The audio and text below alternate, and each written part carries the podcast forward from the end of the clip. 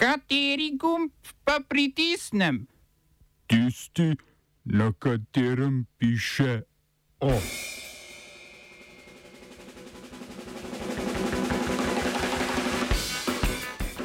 Na zvezdnih parlamentarnih volitvah v Nemčiji za las povedli socialdemokrati.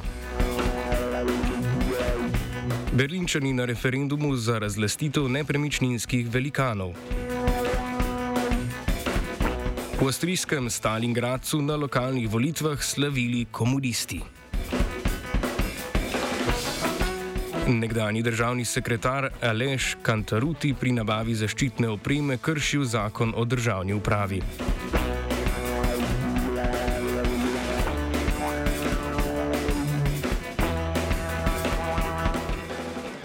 Na zvezdnih parlamentarnih volitvah v Nemčiji so socialdemokrati z las premagali krščanske demokrate. Začasni rezultati kažejo, da so socialdemokrati slavili s 25,7 odstotka glasov, sledili pa so jim krščanski demokrati z dobrimi 24 odstotki.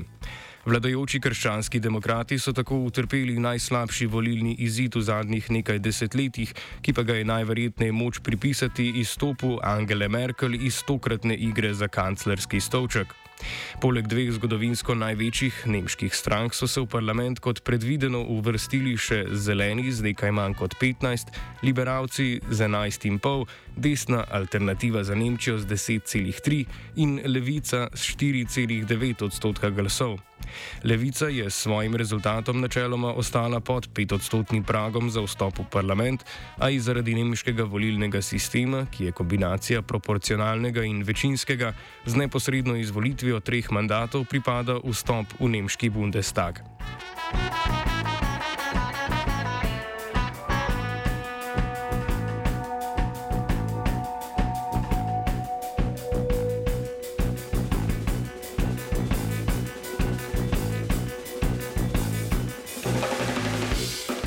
Pred socialdemokrati je sedaj podvig sestave koalicije. Tako oni kot krščanski demokrati zavračajo možnost še ene velike koalicije, torej vlade socialdemokratov in krščanskih demokratov, ki je bila na oblasti od leta 2013. Možnost sodelovanja v veliki koaliciji sta stranki sicer zavračali že na zadnjih parlamentarnih volitvah, vendar jima je po poropadlih koalicijskih pogajanjih z manjšimi strankami ni preostalo drugega, kot da združita svoja rahlo levo in rahlo desno-centristična načela.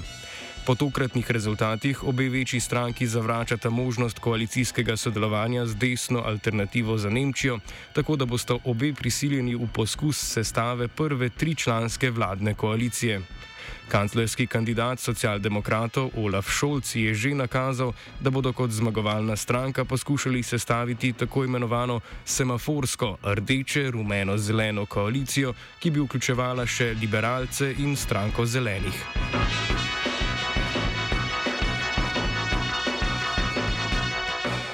Ostajamo v Nemčiji, natančneje v njeni prestolnici Berlinu, ki se je na dan parlamentarnih volitev znašla v pravem organizacijskem kaosu, saj so poleg tekačev na berlinskem maratonu in volitev v Bundestag berlinčani volili tudi na deželnih volitvah in na neobvezujočem referendumu o možnosti razlastitve nepremičninskih velikanov.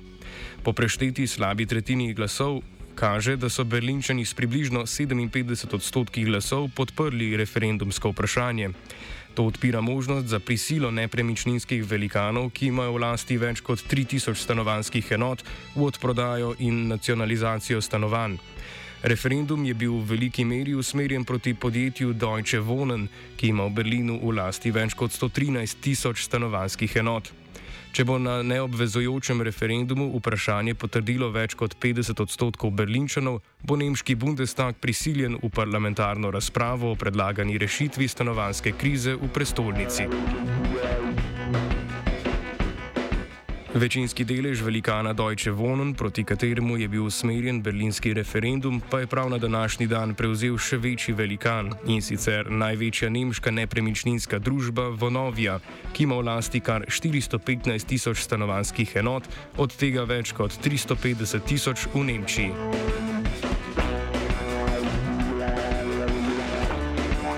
Stanovanski in socialni problematiki pa se nasmihajo boljši časi tudi v avstrijskem Gracu. Na prečasnih lokalnih volitvah v drugem največjem avstrijskem mestu je z 29 odstotki glasov nepričakovano slavila komunistična stranka in tako 4 odstotki premagala ljudsko stranko in njenega županskega kandidata Zigfrida Nagla, ki je v mestu župonoval zadnjih 18 let. Avstrijska komunistična stranka, ki se sicer v zvezdni parlament ni uvrstila že od leta 1959, pa v Gracu, kjer je na lokalnih volitvah leta 2017 prejela 20 odstotkov glasov, tradicionalno prejema najvišjo podporo. Stranka je namreč že od leta 1998 na vsakokratnih lokalnih volitvah izvoljena v občinski svet. Iz Stalingradca se javlja presenečeni tovariš Leo Kuberger. It was a shock for half of the city. And half of the, of the city was celebrating last night and is still celebrating. No, it, it was it, it, was a big surprise.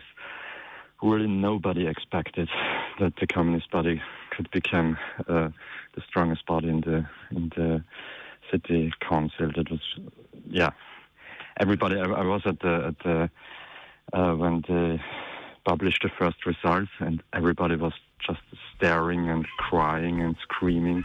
Nobody expected what happened yesterday in Prague. Več o avstrijskih komunistih lahko izveste v današnjem offsajdu ob 17. Poleg lokalnih volitev v Gracu so potekale tudi parlamentarne volitve v zvezdni državi Zgornja Avstrija, na katerih je pričakovano povedla vladajoča ljudska stranka.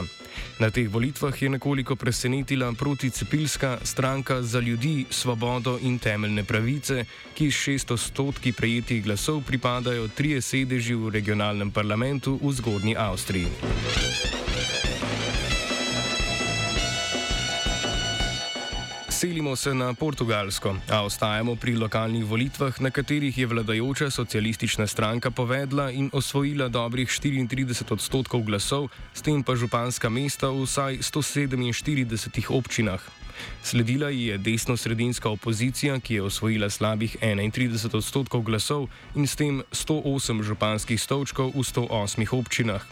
V prestolnici Lizboni je po 14 letih vladavine socialistov za odstotek glasov več slavila desno-sredinska opozicija in tako premagala aktualnega župana socialistov Fernanda Medino.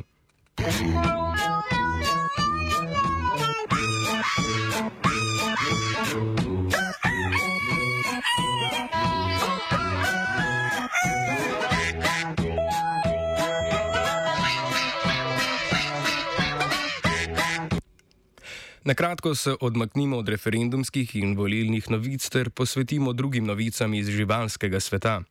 Italijansko prestolnico Rim oblegajo barbarske divje svinje in napadajo rimske smetnjake. Prestrašene none si ne drznejo več hoditi po pločniku. Jeza Rimljanov je vse večja in do neke mere usmerjena proti rimski županji Virginiji Ragi iz vrst gibanja petih zvest, ki po mnenju meščanov neustrezno rešuje problematiko komunalnega odvoza smeti. Populacija divjih prašičev je v Italiji narasla na 2 milijona. Letno pa je v regiji Lacijo, kamor spada tudi Rim, dovoljen odstrel 700 živali te vrste. Poleg razdejanja smeti so divje svinje odgovorne tudi za več kot 10 tisoč prometnih nesreč v Italiji letno. Županja Ragi je pred nekaj tedni napovedala tožbo proti lokalnim oblastem regije Lacijo zaradi neustrezne obravnave prašičje populacije.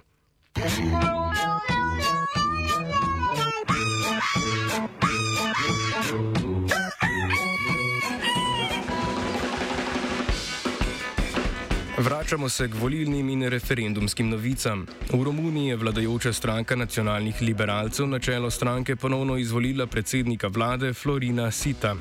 O njegovem predsedovanju stranki so člani glasovali po težavah, ki so vzniknile med takrat še vedno koalicijskima strankama vladajočih nacionalnih liberalcev in Zveze za rešitev Romunije, krajše USR. Kot smo že poročali, so v USR Plus nasprotovali načrtovanemu infrastrukturnemu projektu predsednika vlade, težkemu okoli 10 milijard evrov, in premijeju Situ očitali, da z načrtovanimi investicijami želi zgolj podpirati lokalne barone. Zaradi tega spora je iz vlade izstopilo vseh šest ministrov zveze USR, v kateri so si za vodjo želeli nekdanjega premijeja Ludovika Orbana. Ponovna izvolitev sita na čelo stranke nacionalnih liberalcev najverjetneje pomeni, da do ponovne združitve razpadle sredinske vlade ne bo prišlo in bodo sledile predčasne volitve. Oba, če, če bom odgovoril na angliški. Slovenija will try to help. We can Slovenia will and we will do our utmost To say that the situation is, our problem ourselves. and uh, We will make further steps as soon as the conditions are bomo vlado Marjana Cererja, Mira, Marjana Cererja Šarca podprli. uh, very, very serious. we know how and we will. Komisija za preprečevanje korupcije je ugotovila, da je nekdani državni sekretar Aleš Kantaruti pri nakupu zaščitne opreme kršil načelo integritete in s tem zakon o državni upravi. Gre za prvo pravnomočno zaključeno zadevo v sklopu preiskav o nakupih zaščitne opreme na začetku epidemije leta 2020. Komisija je konec lanskega leta uvedla 21 preiskav suma kršitve integritete uradne osebe. Med najvidnejšimi nerazrešenimi zadevami sta še preiskavi zoper ministra za gospodarstvo Zdravka Počivalška in vršitelja dolžnosti direktorja Zavoda za blagovne rezerve Tomija Rumfa. Nekdani državni sekretar na Ministrstvu za gospodarstvo in razvoj tehnologije Kantaruti je načelo integritete kršil s pismom o nameri, pismom podpore in potrdilom o registraciji. Zato Kantaruti ni imel ustreznih pooblastil. Prav tako pa je pri tem dal prednost določenemu ponudniku, podjetju Hmezat TMT, ki se sicer ukvarja s prevozi in enostavnimi gradbenimi deli. Podjetje je posel v višini 12 milijonov evrov za nabavo zaščitnih mask tudi dobilo. Dolgoletni tesni sodelavec ministra Počivalška Kantaruti je sicer aprila postal predsednik gospodarske zbornice Slovenije.